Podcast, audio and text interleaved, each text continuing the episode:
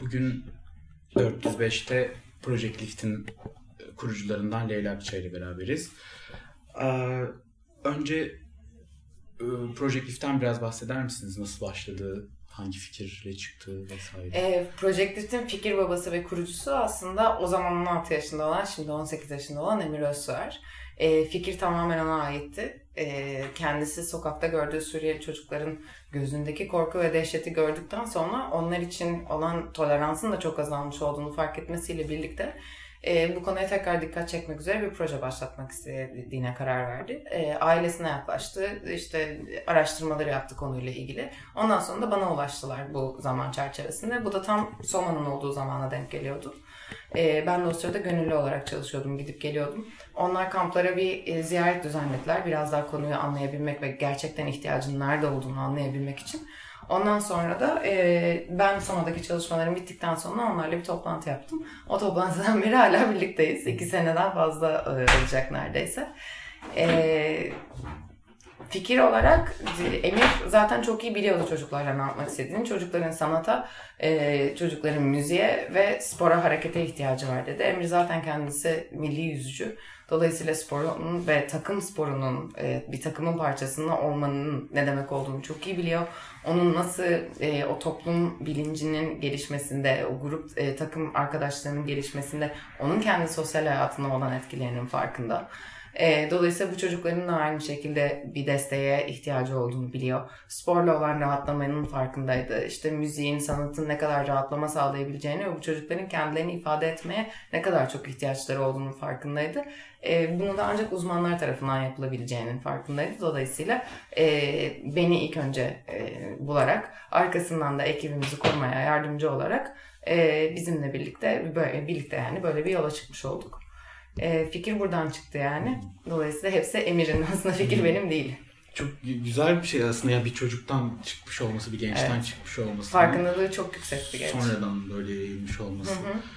Ee, ben e, bu siz sonuçta hep çocuklarla berabersiniz. Çocuklar ve o savaşı görmüş aileleriyle berabersiniz. Ee, ben nasıl deneyimlediklerini merak ediyorum savaşı. Yani size ne halde geliyorlar? Ya bizim gördüğümüz ailelerin e, tabii hepsi farklı bir yerden geliyor. Dolayısıyla bazıları savaşı birebir yaşamışken e, işte ne bileyim çocuklar okuldayken okulları bombalanmışken e, aileler camideyken camileri bombalanmışken işte annesi pazara giden çocuğun annesi bir daha dönmemişken ya da bazı ailelerde işte babalar evden çıkıp işe gidiyorum diye ondan sonra bir daha dönmemişken bazı ailelerde ise çocuklar hiçbir şeyi e, görmemişler. Sadece e, olanakların kısıtlanması, işin olmaması, yemeğin olmaması gibi e, problemlerden dolayı, savaşın onlara doğru gelmesinden dolayı kaynaklanan problemlerden e, kaçmışlar ve göç etmişler. Yani bazıları tamamen savaş mağduruyken bazıları daha çok şartların, savaşın getirdiği ve etrafta kuruttuğu şartların e, zoruyla e, şey yapmış, göç etmişler. E, hepsinin farklı travmaları var. Sonuçta travma zaten e, travmatik bir olaya verilen tepki travmayı e, temsil ediyor. Ve bu çocukların hepsi aynı tepki vermiyorlar. Bazılarının hem içsel olarak dayanıklılıkları daha yüksek hem de dışarıdaki e, sosyal bağları daha güçlü. E, aileleri daha iyi baş edebiliyor. Durumları daha iyi. Dolayısıyla o çocukların bazıları e, daha iyi durumdalar. Hani travmatize diyemeyeceğimiz ama travmatik bir olay yaşadıktan sonraki e, adaptasyon sürecinin içindeler yani. Bazıları ise gerçekten e, travma semptomları gösteriyor ve e, ciddi müdahale ve yardımlara ihtiyaçları var. Hmm, peki bu Türkiye'deki durumları nasıl? Bildiğim kadarıyla Sultanbeyli'nde daha çok çalışmışsınız. Ya, evet Sultanbeyli'nde ve Güngören'de bir atölyeler yaptık. Ee, Sultanbeyli'nde yaşadıkları evler yani tabii ki kötü hmm. durumdaki evler. Yani e, işte girdiğiniz zaman birçoğunun içinde çok az eşya var, daha çok döşek var. Ee, işte 10 tane kişi aynı evde yaşıyor. Bazen 2-3 aile işte 20 kişiye kadar aynı evde yaşadıkları oluyor. E, tabii ki böyle zamanlarda hastalık çok daha fazla olabiliyor evlerin içinde. Ama mümkün olduğunca evlerini güzel tutmaya çalışıyorlar. Tekrar hayata bağlanmaya çalışıyorlar. E, evlerde genel bir küf kokusu ve genel bir nem problemi var. E, genelde en aşağı katlarda, bodrum katlarında yani çok iyi olmayan durumlarda e, yaşıyorlar. Her zaman yemekleri olmuyor. E, çünkü ailenin finansal olarak e, bir kaynağı olmuyor. E, anne babaları işe almıyorlar. Daha çok çocuk çalıştırmak üzere iş yerleri e, teşvikte bulunuyor. Bazı anne babalar en küçük çocukları okula göndermeye çalışırken daha büyükleri çalıştırmak zorunda kalıyor. Çünkü aileye belirli bir gelir girmesi gerekiyor yani. E, zorunluluk dolayısıyla ortaya çıkan şeyler oluyor. Bazı ailelerin içinde aile içi şiddet var. Bunun bir kısmı kültürel olarak daha e, yani onların kültürlerine daha fazla olan bir şey olduğu için e, bize karşı daha fazla çocuklarına karşı daha sert olabiliyorlar bazen. Ama bazı e, şeyleri de e, bazılarının sebepleri de annenin babanın da çok travmatize olmasından dolayı toleranslarının çok düşmüş olması ve çocukların çok travmatize olmasından dolayı davranışlarının bozulmuş ve anne babanın baş edebileceğinden daha fevri davranışlarda bulunuyorlar olması. Dolayısıyla anne baba da disiplini sağlayabilmek için bazen daha fazla şiddete yöneliyor. E, yani evlerin içlerinin de durumu çok iyi değil. Anladım, anladım. Ee, bu peki ben şimdi bu sanat terapisiyle siz çünkü Hı hı. sanat terapistisiniz aslında. Ee, bunun ben neleri kapsadığını, nasıl yapıldığını da merak ediyorum. Ne işe yarıyor, nasıl işe yarıyor, nasıl sonuçlar veriyor vesaire. Ben görsel sanat terapistiyim ama bizim projemizin içerisinde hem müzik var hem resim var hem de sanat var yani hem de görsel sanatlar var. Ee, üç ayrı seans olarak veriyoruz. Her gün birer seans olarak veriyoruz bunları. Ee, üçünün, üç farklı modeli de kullanmamızın sebebi çocukların e, ve insanların genelde tek bir model üzerinden öğrenmedikleri yani görsel olarak da öğreniyoruz, işitsel olarak da öğreniyoruz. Aynı zamanda bedensel olarak da e, dokunsal olarak da öğreniyoruz. Dolayısıyla çocuklarımıza çok kısa bir süre dokunabildiğimiz için e, bu süreç içerisinde üç şeyi pekiştirerek e, gidiyoruz. Her gün bir tema işliyoruz ve sanatı da bu temaları e, çocuklara aktarmak ve onların içselleştirmesi için bir araç olarak kullanıyoruz. E, işte mesela çocukların dürtü kontrolünü öğrenmeleri üzerine e, yapılan çalışmalarda mesela çocuklara e, ritim çalıştırırken 1 2 3 4 dur dedik dediğimiz zaman bu o dürtü kontrolünün çocukları içselleştirmesine ve kendi kendilerini durdurabilmelerine komut üzerine e, e, yarıyor. E, işte çocukların yaratıcı düşünmelerini sağlamaya çalışıyoruz. Onlara daha çok böyle ilk önce e, düşünebilecekleri, arkasından hani böyle uzun süreli düşünme yapabilecekleri, e, ileriye dönük plan yapabilecekleri, hangi rengi kullanacağını, ne çizeceğini düşünmesi gerektiği e, üzerine şeyler yapıyoruz. Değişik roller aldırarak onlarla e, böyle drama çalışmaları da yapılıyor sanat e, şeyde dansta. E, işte bazen penguen oluyorlar, bazen e, flamenco oluyorlar. Kendileri seçiyorlar hangileri olacaklarını, ormandaki rollerini kendileri seçiyorlar. Yani böyle e, değişik kapsamlı hem şey. kapsamlı ama yaptığımız şeyler hep e, sanatı bir araç olarak kullanmak. Yani biz sanat terapisinde sanatı e, çocuklara ulaşabilmek için sözel e, verilen komutlardan çok daha e, işe yaradığını gördük e, ve görüyoruz. Özellikle de dil bariyeri olan bir e, toplumla ve özellikle de kendini zaten sözel olarak ifade etmeye çok açık olmayan e, bir toplumla çalışırken sanat terapisinin çok faydaları var. Ama sanat terapisinin bir yandan da e, çok ters tarafa dönebilecek durumları olabiliyor. Onlar da e, mesela hiç sanat terapisini okumamış, bilmeyen ve bunu e, iyi bir çerçevenin içerisinde yapmayan kişiler e, çocuklara yaptırdıkları resimlerin sonucunda ortaya çıkan şeyleri nasıl kapatabileceklerini, çocukları tekrardan nasıl e, stabil bir hale getirebileceklerini bilmiyorlar. Dolayısıyla o çocukların travmalarını daha da çok tetikleyip çocukları salmış oluyorlar. Ya da işte yaptıkları e, resimleri asıyorlar mesela duvarlara. Evet bu çok güzel bir şey olabilir ama o resmin ne olduğunu çocukla konuşmadan astığında belki çok mutlu gözüken bir resim aslında çocuğa çok bambaşka bir şey hatırlatıyor olabilir ve her gün onun önünden geçip onu görmek ve başkalarının da buna şahitlik etmesi onu zorlayabilir. Dolayısıyla bu iş aslında hassas bir iş ve sadece sanatı e, araç olarak bile kullanırken gerçekten uzmanlar tarafından yapılması gereken bir iş. Bu anladığım kadarıyla siteden gördüğüm kadarıyla bu sanat terapisi tek tarafı değil bu işin. Bunun dışında ağır travma durumlarında sanırım başka metotları da başvuruluyormuş. E, ailelerle zaten yani şöyle e, biz ailelerle ilk başta bir görüşme yapıyoruz. Ondan sonra çocukları alıyoruz. Ailelerle yaptığımız görüşmede çocukların durumunu, ne kadar zamandır burada olduklarını, e, işte dil bilip bilmediklerini, okula gidip gitmediklerini, ne gibi davranışsal ya da başka e, semptomlar gösterdiklerini ve aileyle ne gibi problemler yaşadıklarını anlıyoruz. E, bunu anladıktan sonra çocuklarla birlikte atölyeye başlıyoruz. O atölyenin sonucunda tekrar bir aile ziyareti yapıyoruz.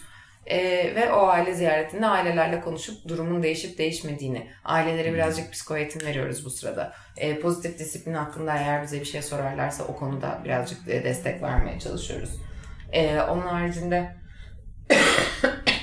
pardon e, ailelerle e, ihtiyaç duydukları yerlere yönlendirmeler yapıyoruz ve tekrardan ihtiyacı olan ailelere daha sonra dönüp e, ziyaretler yapmaya da devam ediyoruz. Yani bizi sadece psikolojik problemleri için değil başka problemleri için de aramaya başlıyor aileler bir süre sonra. Tabii ki biz her şeyine çare olamadığımız için yönlendirmeye çalışıyoruz. İşte evinden çıkartılacak olan aileyi e, bu konuda yardım edebilecek olan belediyedeki kişilere e, ile buluşturmak gibi işte medikal problemleri olan çocukları Kızılay'la buluşturup Kızılay'ın onların evinden alıp e, hastaneye götürüp tekrardan evine geri bırakması gibi. Sonra tekrardan bu çocukların ilaç ihtiyacı olduğunda yine bize yönlendiriyorlar. Biz bir şekilde karşılayacak bir yerler bulmaya çalışıyoruz gibi. Yani aslında çok kapsamlı bir yerden yaklaşmaya çalışıyoruz ve ailelerin o güvenebilecekleri e, bir destek e, şey olmaya çalışıyoruz. Onların merkezi olmaya çalışıyoruz. Sadece çocuklarla değil ailelerini de kapsayan değil. Tabii ki aileleri iyi olmazsa çocuklara yaptığımız hiçbir şey zaten kalıcı hmm. olamaz. Yani ilk önce ailelerin birazcık kendilerini daha e, güvende hissedebiliyor olması lazım. Çocukları için umudunun olması lazım ki çocukların da kendileri için umudu olabilsin. E, ve biz ailedeki bazı davranışları değiştirirken e, çocuk sadece çocukları değiştirmek yeterli olmuyor. Aile hmm. dinamiğinin değişmesi lazım. Babalardan bir tanesinin aile ziyaretlerinde yaptığı yorumlardan biri de şeydi. Benim çocuğumun davranışı, benim çocuğum normalmiş aslında. Benim çocuğumun davranışlarında hiçbir problem yokmuş. Benim ondan istediğim şeylerde sorun varmış gibi. E, aileler de bizimle birebir çalışmıyor olsalar da acayip bir farkındalık kazanıyorlar. Yani herkese yarıyor. Dolayısıyla Aynen. bizim çalıştığımız, birebir çalıştığımız çocukların dışında da onların aileleri zaten çok geniş oluyor. 6-12'nin dışında kalan çocukları varsa ya da çalıştığı için gelemeyen çocukları varsa onlar da e, şey yapmış oluyorlar, etkilenmiş oluyorlar ve yararlanmış oluyorlar projemizde. Aileler de değişmeye başlıyor böylece. Aynen öyle. Bu e, rehabilitasyon, entegrasyon, farkındalık diye amaçlarınızı sıralamışsınız. Burada ben rehabilitasyon kısmında konuştuk biraz önce. Bu entegrasyon ve farkındalıkla ilgili ben hani biraz sormak Hı-hı. istiyorum. Özellikle bu farkındalık yaratmak için hani bu sanat terapisi vesaire dışında neler yapıyorsunuz? Çocukların farkındalığı zaten öğrendikleri becerilerle, dayanıklılık becerileriyle artıyor. Kendi duygularını öğreniyorlar, kendi tepkilerini öğreniyorlar. Ama biz bunun dışında e, çocuklarımızın farkındalığının dışında dışarıdaki insanların farkındalığını ve algısını da değiştirmek istiyoruz. E, çünkü dışarıdaki toleransın e, yani Emir'in yola çıkış şeylerinden bir tanesi zaten oydu. Dışarıdaki tolerans azaldıkça insanlar görmemezlikten geldikçe gitsinler zaten dedikçe çok e, negatif bir yaklaşım başlıyor e, Suriyeli mültecilere karşı ve onlar bunu hak etmiyorlar. Çünkü onlar da insan ve bizim çalıştığımız popülasyon özellikle çocuklar ve onlar bizim geleceğimiz çünkü hiçbir yere gitmiyorlar. Ee, yani belki bir gün inşallah geri dönebilecekleri ülkeleri olur tekrardan geri dönmek isterlerse o da ama istemezlerse onlar artık buradalar ve buranın bir parçasılar. Bizim de bu şekilde hareket edip onları entegre etmemiz ve buradaki insanlara bunun farkındalığını vermemiz. O hoşgörünün, toleransın, nasıl yardım edebileceklerinin, travmanın ne demek olduğunu, savaş travmasının ne demek olduğunu, travmalı bir çocuğa müdahale edilmezse, ona gerekli e, olanaklar, destekler sağlanmazsa onun ne gibi bir, e, bir geleceğin beklediğinin farkındalığını kazandırmamız çok önemli. Aynı zamanda da söylediğim gibi bu çocuklarla çalışırken ve ailelerle çalışırken çok hassas davranılması gerekiyor. Dolayısıyla biz hem gönüllülerimizi eğitirken ki gönüllülerimiz zaten çoğu üniversite öğrencilerinden oluşuyorlar. Hem onların farkındalığını arttırıyoruz. Onların bizim projemizde veya diğer projelerde çalışırken e, nasıl davranmaları gerektiğini öğretiyoruz. Hem diğer STK'ların çalışanlarını eğitiyoruz. Onlara travma desteği ve dersi veriyoruz. Çünkü bir sürüsünün çalışanları maalesef travmalı çocuklarla nasıl çalışacaklarını bilmiyor ve sanat terapisi ya da psikososyal destek adı altında açtıkları e, nasıl diyeyim programların e, içeri, içerisinde uzmanlar bulunmuyor genelde. E, bu da tabii ki hem çalışanlar için o uzman olmayan ve bu, bu grupları vermeye çalışanlar için çok zorlayıcı bir durum oluyor. Çünkü nasıl başa çıkabileceklerini bilmiyorlar. Hem travmayla hem göç travmasıyla, savaş travmasıyla hem de Suriyeli mültecilerle çünkü bambaşka bir kültürden bahsediyoruz. Kültürel farklılıklar, dil farklılıkları da var. E, hem de bazıları e, kendileri de Suriye kültüründen olan kişileri de işe alırlarsa onların da kendi travmaları var. Dolayısıyla onların da kendi travmalarına bir farkındalık yaratmaya ve nasıl onlarla travmalarıyla baş edebileceklerini öğretmeye çalışıyoruz. E, aynı zamanda da daha geçenlerde, e, geçen hafta Avrupa Parlamentosu'ndaydık. Avrupa Parlamentosu'nda da e, oradaki parlamenterlere birazcık daha olayın e, sayılardan ve rakamlardan oluşmadığını, travmanın gerçekten hem bu jenerasyonu hem ileriki jenerasyonları etkileyebilecek kadar güçlü olduğunu ve eğer biz e, bozmazsak o kısır döngünün çok daha e, hani büyük kar topu gibi büyüyerek daha da fazla jenerasyonel olarak da etki yaratacağını e, anlatmak üzere gittik. E, dinleyenler tarafından çok olumlu geri dönüşler aldık. Parlamentoda e, daha duygusal bir taraftan yaklaşmanın, daha insani bir taraftan yaklaşmanın çok alışık olmadığını, daha çok e, işte araştırmalar, sayılar üzerine gidildiğini, dolayısıyla o gelen, gelecek olan paraların, çıkacak olan yasaların hep bu sayılar üzerinden yapıldığını ama gerçekten insanların e, içten kalben e, bu konu üzerinde kafa yormadığını e, söylediler. Bu şekilde geri dönüşler aldık. Dolayısıyla bizim yaptıklarımız onların gerçekten kalbine dokunmuş ve bu konu hakkında bir şey yapmak için onları birazcık daha e, teşvik e, etmiş durumda diye gözlemliyoruz. Hatta oradan geri dönüşler olacak. Şimdi bize gelen projemize ziyaret eden kişiler olacak Brüksel'den. Bunlar bizim için önemli. E, hem fon olarak geri dönüş için önemli ki biz sürdürülebilir olalım. Hem de e, oralarda gerçekten e, bu nasıl diyeyim bu insanların geleceğine ve akıbetine karar veren kişilerin gerçekten ne olduğunu anlıyor olması gerekiyor. E, çoğunu alıp 3-5 tane kampa götürüyorlar. Oradaki durumu gösteriyorlar. Ama kamplarda sadece 300 bin kişi yaşıyor. Yani 2.3 milyon kişiden fazla ki bu kayıtlı e, sayılar. E, bunu da iki katına çarpabilirsiniz diyorlar yani. Yaklaşık hani 3-4 milyon insan dışarıda kampların dışındaki hayatta yaşıyor. İstanbul'un içerisinde kayıtlı 300 bin kişi var. Kayıtlı olmayan 600 bine kadar çıkabilecek insan olduğunu düşünürseniz e, onlardan da 100 bin ile 200 bin arasında çocuk olduğunu düşünürseniz 18 yaş altında e, bu çok büyük bir rakam ve o insanları gerçekten görmüyorlar ihtiyaçlarını e, İstanbul'daki bir kişinin ihtiyacı kamptaki bir kişinin ihtiyacıyla zaten aynı olamaz. Orası çok daha korunaklı bir bölge. Tabii ki kampın kendine göre çok büyük zorlukları var ama kendine göre avantajları da var. Şehirde yaşamanınsa çok büyük dezavantajları var. Burada suç çok daha fazla, burada güvenlik çok daha az, e, burada okul olanakları ve kapasiteler çok daha az. E, çünkü zaten kendi çocuklarımıza yetecek kadar okul kapasitesi olmayan ilçelerimiz var. E, böyle bir zamanda biz nasıl e, başka Suriyeli çocukların bize entegre olmasını bekleyebiliriz bu ilçelerden. Yani bunu öğretmenlerden ve ilçelerden beklemek de çok mantıklı bir şey olmuyor. E, dolayısıyla bu gerçek tabloyu gösterebilmek için önemli olduğunu düşünüyoruz bu farkındalık yaratma çalışmalarının. Ben bir şey soracağım. Bu biz iki sene önce ilk röportajımızda bir Suriyeli mülteciyle yapmıştık. Sonra o Avrupa'ya e, geçti. E, onu da sormuştuk da o zaman ben tam şey değildi. Yani burada kamplar da var ve işte kampların dışında yaşayan bir sürü Suriyeli mülteci var ya. Niye şeye gitmeyi istemiyorlar? Yani genel olarak öyle bir eğilim var gibi. Yani ee, onun sebebi aslında daha yakından? iki, iki, ta, iki, ta, iki tane şey var. Hiçbir şey olmayan insanlar kampa gitmeyi tercih ediyorlar. Yani çünkü orada en azından size bir ev var. Başınızı sokabileceğiz. Ev demeyeyim de bir konteyneriniz var e, işte bir sağlık şeylerinden, e, hizmetlerinden yararlanabiliyorsunuz. Okul var, gündüz yapacak bir şey var, çalışma olanakları var filan. Bazı insanlar için kamp daha ideal bir yer. Ve onlar aslında gitmek gitmeyi tercih ediyorlar. Bir kısım gitmeyi tercih edip gidemeyen var. Çünkü kamplar 300 bin kişilik ve dolu kapasitesi. Yani şu anda o kadar çok gelen insan var ki gidebilecek olduğunda kampta yer yok zaten hmm. gitmesi için. Hmm. Ve bunu bana kendisi Suriyeli olan kampta yaşamayı tercih etmeyen, bizi de parlamentoda seyretmeye gelmiş olan birisi söyledi. Hani sizin siz bu kadar konuştunuz ama kamplarda aslında yerler olmadığını hiç söylemediniz, hiç bahsetmediniz dedi. E, dolayısıyla bu onlardan gelmiş olan bir direkt gelmiş olan bize bir geri bildirim. Aynı zamanda da bir kısmı da kamplara gitmek istemiyor. Çünkü kampların da kendine göre zorlukları var. Yani hayata entegre olamıyorsunuz. Orada çok izole bir hayat yaşıyorsunuz.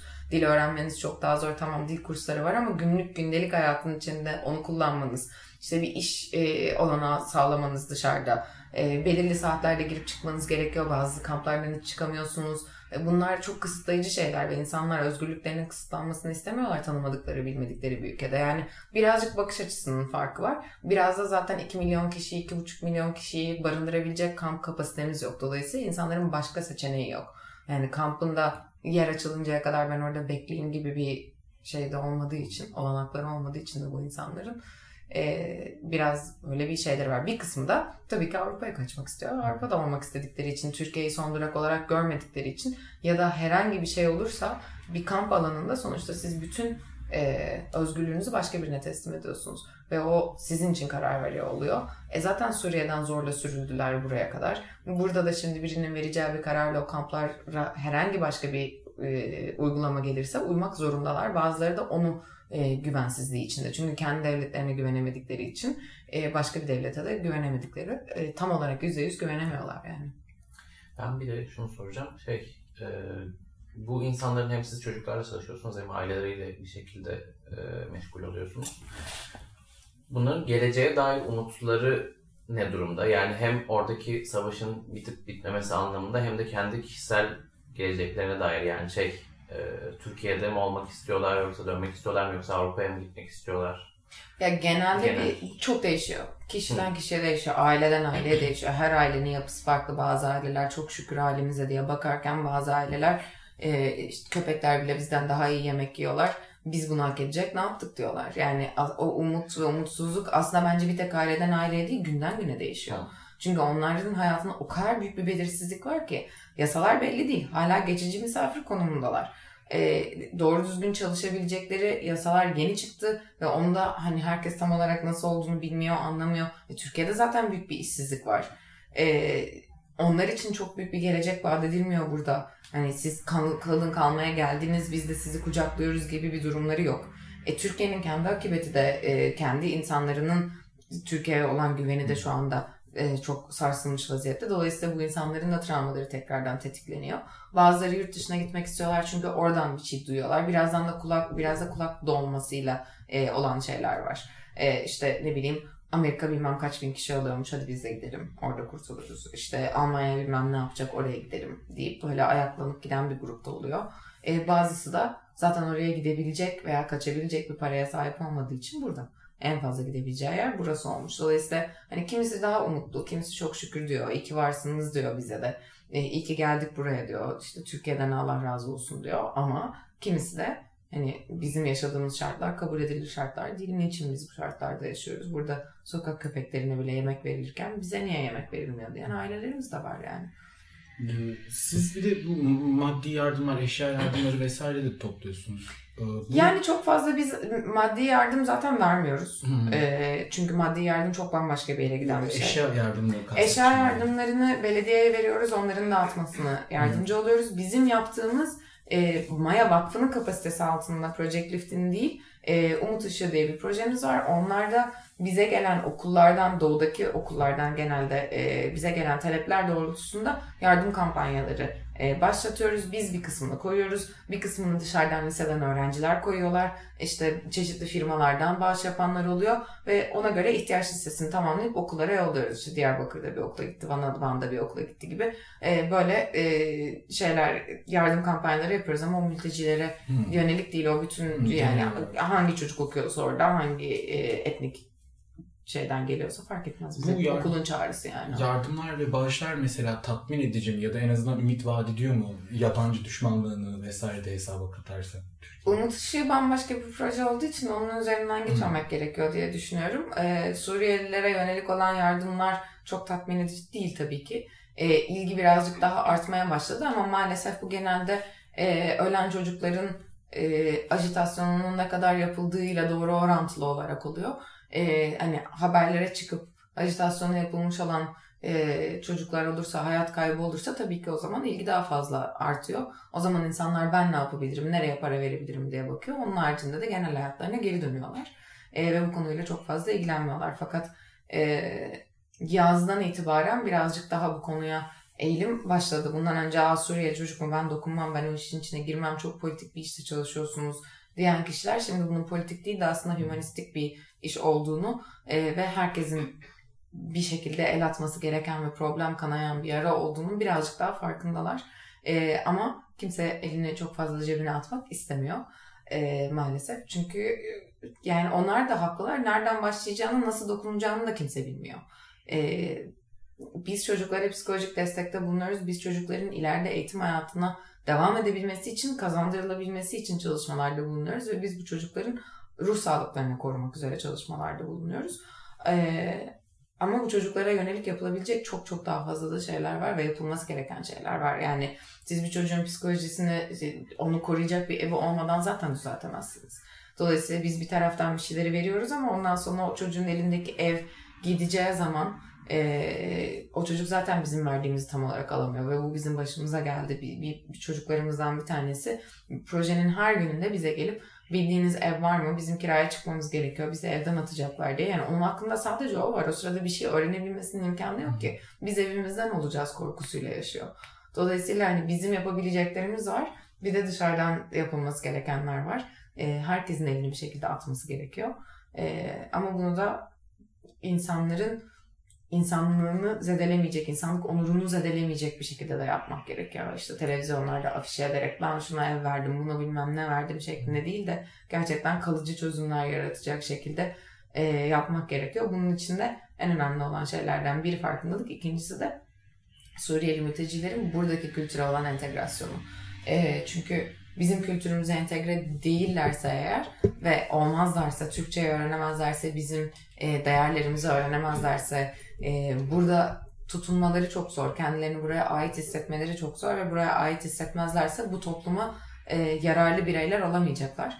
E, bu topluma yararlı birey olamayacak 2,5 milyon kişinin şu anda var olduğunu hatta daha bile fazlasının var olduğunu düşünürseniz onların da çoğalarak devam ettiklerini hayatlarını düşünürseniz çok büyük bir tehlike aslında bizi bekliyor. Yani onları bugün dışlayarak nereden geldilerse oraya geri gitsinler diyerek biz aslında çok büyük bir e, hata yapıyoruz ve kendi kendimizi bunun içine sokuyoruz. E, dolayısıyla farkındalık o bakımdan da çok önemli. E, ama onların entegrasyonu da çok önemli. Dolayısıyla çocukları işte burada sokakta başka çocuklarla oynayabilecek bir hale getirmek, çocukların birbirine bıçak çekmeyecekleri bir hale getirmek bizim için çok önemli ki bu da oluyor. Yani bizim bize gelip de bana sokakta bıçak çekiyorlar, beni sokakta bıçakla kovalıyorlar diyen çocuklarımız var.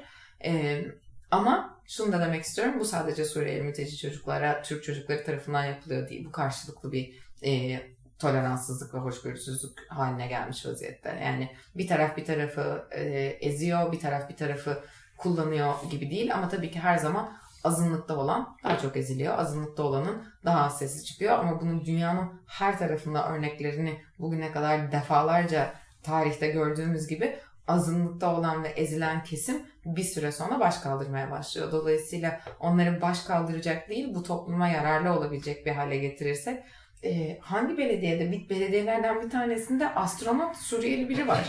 Yani biz bu değeri niçin kaybediyoruz? Yani niçin bu adamı kullanmıyoruz? Yani bilim adamı var yani aralarında. Doktoru var, bilim adamı var, öğretmeni var. Biz onları kazanmak yerine onları dışlayıp nereden geldilerse oraya gitsinler diyoruz. Dolayısıyla bizim de o bakış açısını çevirip entegrasyonu sağlayabilmemiz gerekiyor. Bize de çok büyük bir katkısı var olacak çünkü yani insanlıkta buluşabilirsek eğer kimin nereden geldiğini, hangi dili konuştuğunu bir kenara bırakıp nasıl birbirimize katkıda ve e, destekte bulunacağımızı düşünebilirsek aslında bizim için avantaja çevirebileceğimiz bir durum var şu anda.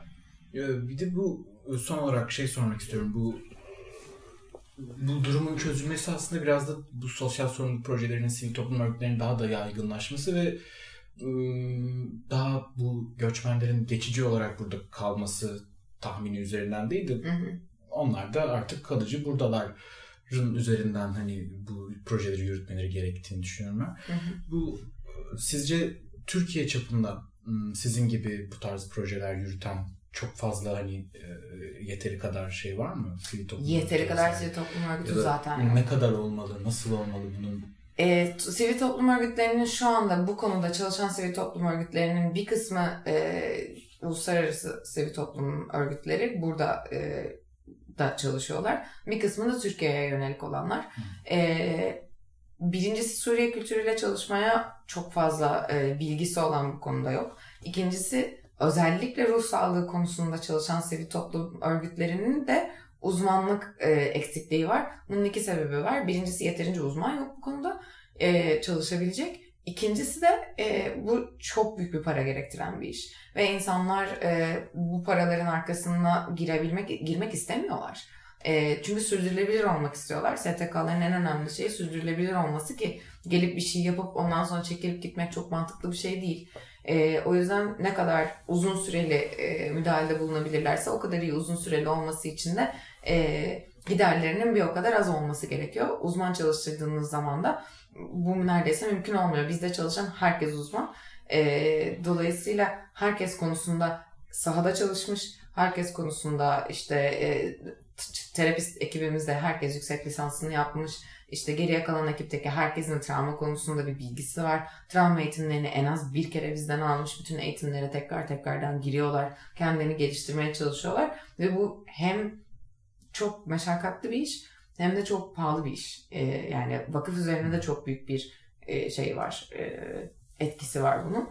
E, bizim böyle bir avantajımız var. Çünkü çok vizyonu geniş e, vakıf yöneticilerimiz ve kurucularımız var. E, ama bu herkeste bu standartlar yok. Bu standartlar olmadığında da verdiğiniz servisin kalitesi tabii ki düşüyor. Ve bu sefer de çalışanlarınızın da e, hem verimi düşüyor hem de onların da travmatize olma e, olanağı yükseliyor. Dolayısıyla Türkiye'de yeterince yok.